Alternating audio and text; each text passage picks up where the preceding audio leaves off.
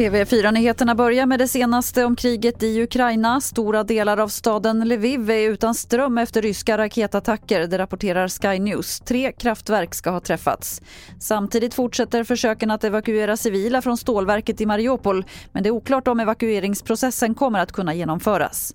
Det har ju ofta varit så att man har tvingats eh, eh, ställa in, senare lägga eh, de här evakueringarna beroende på att strider har utbrutit och det inte har gått att genomföra på ett någorlunda säkert sätt.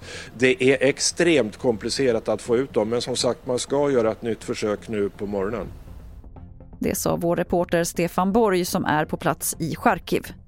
Polisens kalla fallgrupper har fått allt mer att göra med ouppklarade dödsskjutningar i kriminella kretsar, det här rapporterar SR. Dödsskjutningarna har ökat samtidigt som uppklarningsprocenten har minskat och sedan 2015 står de ärendena för två tredjedelar av inflödet i kalla fallgrupperna. Som det tidigare har rapporterats så är det ju brist på personal i vården i sommar och i vissa regioner går man långt för att säkra semesterschemat. I Västernorrland som verkar ha det allra värst med bemanningen så kan en sjuksköterska som flyttar sin semester få upp till 100 000 kronor extra i plånboken.